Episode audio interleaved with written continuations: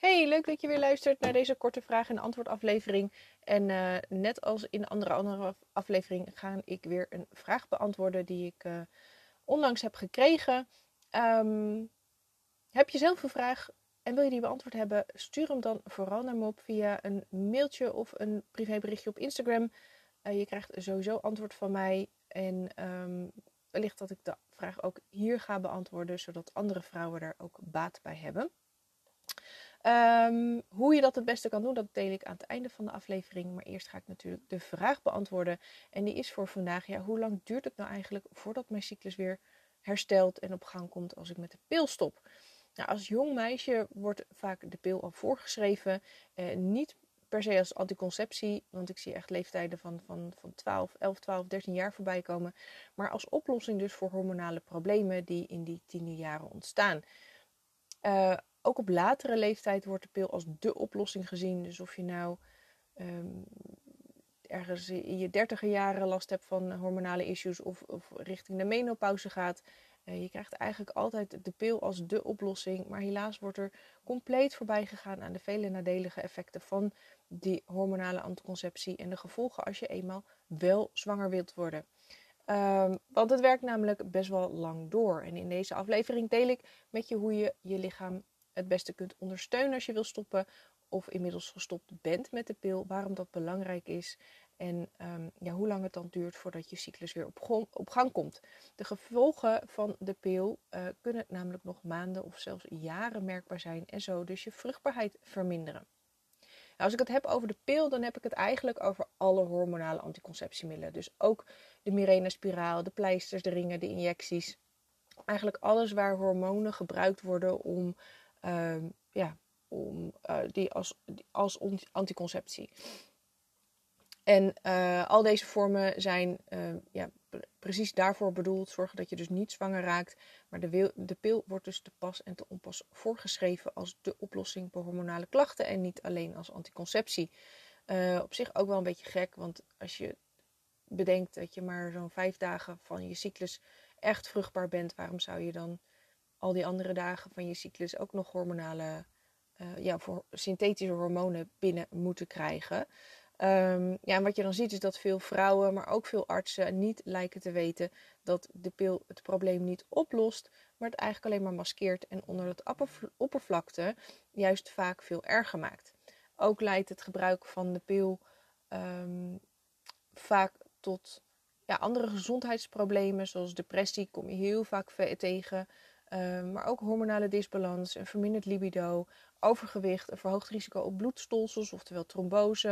Um, en dan heb ik het nog niet eens over de minder bekende en merkbare problemen die ontstaan, zoals een verstoorde darmwerking, een tekort aan voedingsstoffen, een extra belasting op je lever en je ontgiftingsproces. Ja, dat staat nu toch al onder druk, dus alles wat minder kan, dat is mooi meegenomen. Maar ook bijvoorbeeld een, um, de, de voorkeur voor je partner uh, anders wordt onder invloed van de pil. Uh, of dat je gewoon zelfs ook soms jezelf niet herkent of een beetje het, ja, um, de verbinding met jezelf kwijtraakt.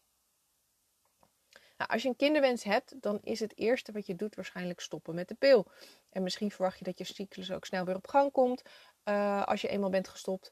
En dat je dus ook snel weer vruchtbaar bent. Maar het kan soms dus maanden duren voordat je cyclus weer is hersteld. En Um, zelfs als je cyclus wel snel weer terugkomt, is het verstandig om niet direct zwanger te raken. Ook nadat je bent gestopt kan het namelijk je vruchtbaarheid beïnvloeden en zelfs zorgen voor problemen tijdens je zwangerschap.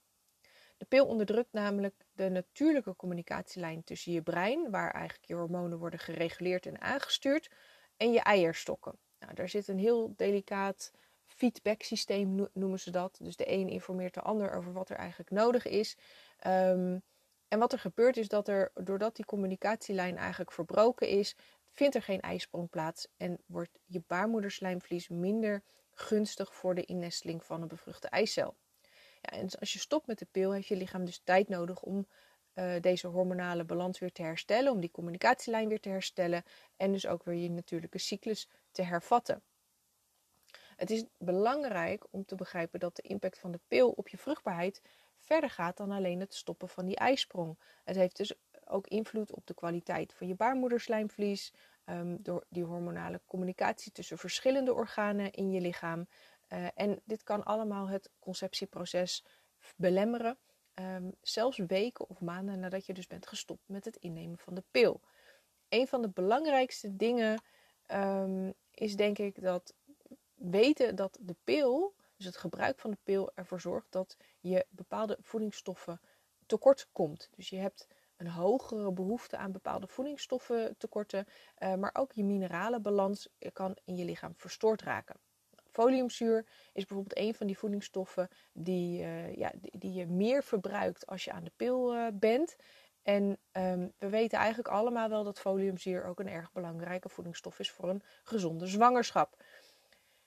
Dan denk je, ja, maar dan slik ik toch een supplement. Dat is niet altijd de oplossing. Um, want je lichaam is natuurlijk meer dan alleen maar dat ene stofje. Nou, wil je meer weten over foliumzuur en wat de juiste vorm is van foliumzuur, luister dan vooral ook even aflevering 64 terug, want daar heb ik het alleen maar over foliumzuur. Andere belangrijke vitamines waar een tekort aan kon ontstaan door dus het pil, de pilgebruik zijn met name B, vitamine B6, uh, zink, selenium, fosfor, magnesium en coenzym Q10.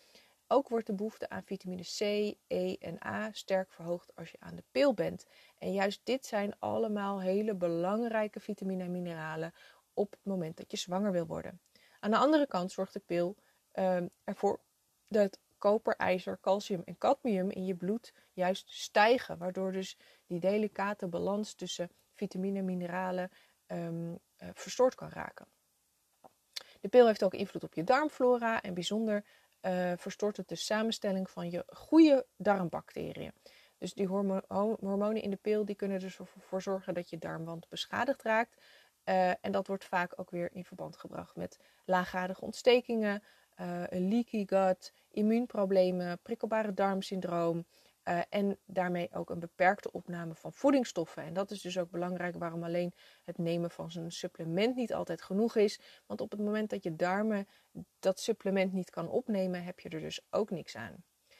Uh, niet alleen je darmflora uh, kan verstoord raken, maar ook je vaginale flora kan verstoord raken. Waardoor je dus gevoeliger bent voor onder andere schimmelinfecties en bacteriële infecties. En dat vermindert ook weer je vruchtbaarheid. Um, ja, wat kan je dan doen, zeg maar, om, uh, om te zorgen dat die cyclus zo snel mogelijk weer op, op gang komt en dat jij dus nou ja, goed herstelt van het pilgebruik. Um, dat is dus om het zo goed mogelijk te ondersteunen. Uh, want hoe sneller jouw lichaam weer functioneert, hoe sneller ook je cyclus weer terugkomt. Je cyclus en je gezondheid zijn namelijk direct met elkaar gelinkt. En als je cyclus weer goed loopt, dan is natuurlijk de kans op een zwangerschap zelf ook veel hoger. Ontpillen is dus heel belangrijk. En um, wat je kan doen, hangt er natuurlijk ook een beetje af van uh, ja, je eigen situatie. Hè? Ieder lichaam is anders en het herstelproces kan bij de een iets meer tijd kosten dan bij de ander. Maar er zijn eigenlijk vier dingen waar ik me altijd in mijn uh, natuurlijk zwangertrajecten op, uh, op richt. En dat is A, het herstellen van die voedingsstoffentekorten waar ik het net over had. Dus die vitamine en mineralen weer aanvullen en zorgen dat die balans weer hersteld wordt. Um, het herstellen uh, en ondersteunen van je darmen. Dus dat die, dat die darmwand weer gezond is. Dat, um, uh, dat, dat je die voedingsstoffen weer kan, uh, kan opnemen. En zorgen dat je lichaam dus ook alle bouwstoffen heeft om jouw um, om die hormonen die van invloed zijn op je cyclus, dus progesteron, oestrogeen, testosteron, om die aan te kunnen maken. En daarvoor heeft je lichaam cholesterol nodig, oftewel je hormonen worden uit cholesterol gemaakt. En cholesterol wordt weer geproduceerd door je eigen lichaam vanuit vetten. En daarom is dus een, een vetvrij of een vetarm dieet uh, vaak heel ongunstig. En tot slot wil je ook je lever ondersteunen, omdat jouw lever een hele belangrijke rol speelt in je ontgiftingsproces, um, in de balans van je hormonen en daarmee dus ook je cyclus en je vruchtbaarheid. Ja, hoe lang het dan precies duurt voordat je cyclus zich weer normaliseert nadat je bent gestopt met de pil, verschilt dus van persoon van tot persoon. en is afhankelijk van verschillende oorzaken zoals je leeftijd of je onderliggende hormonale problemen hebt of had voordat je begon met de pil.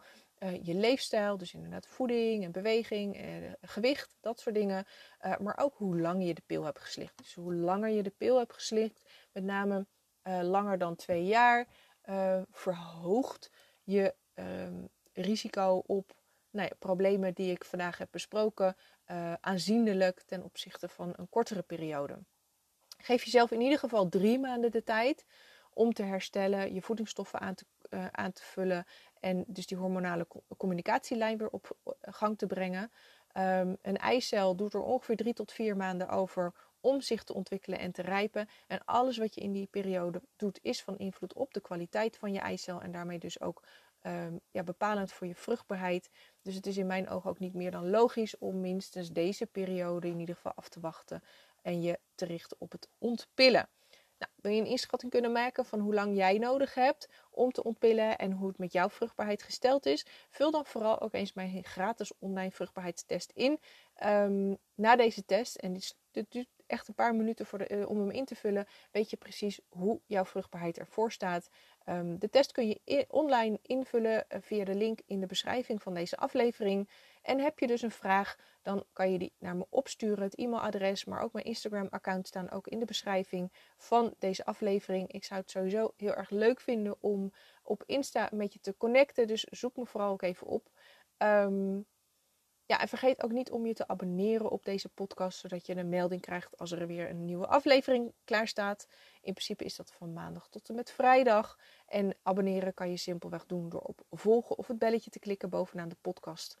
Ik uh, kijk er naar uit om, uh, om van je te horen, om je vraag binnen te zien komen. Hopelijk ben je ook de volgende aflevering er weer bij. En ik zou zeggen, tot dan.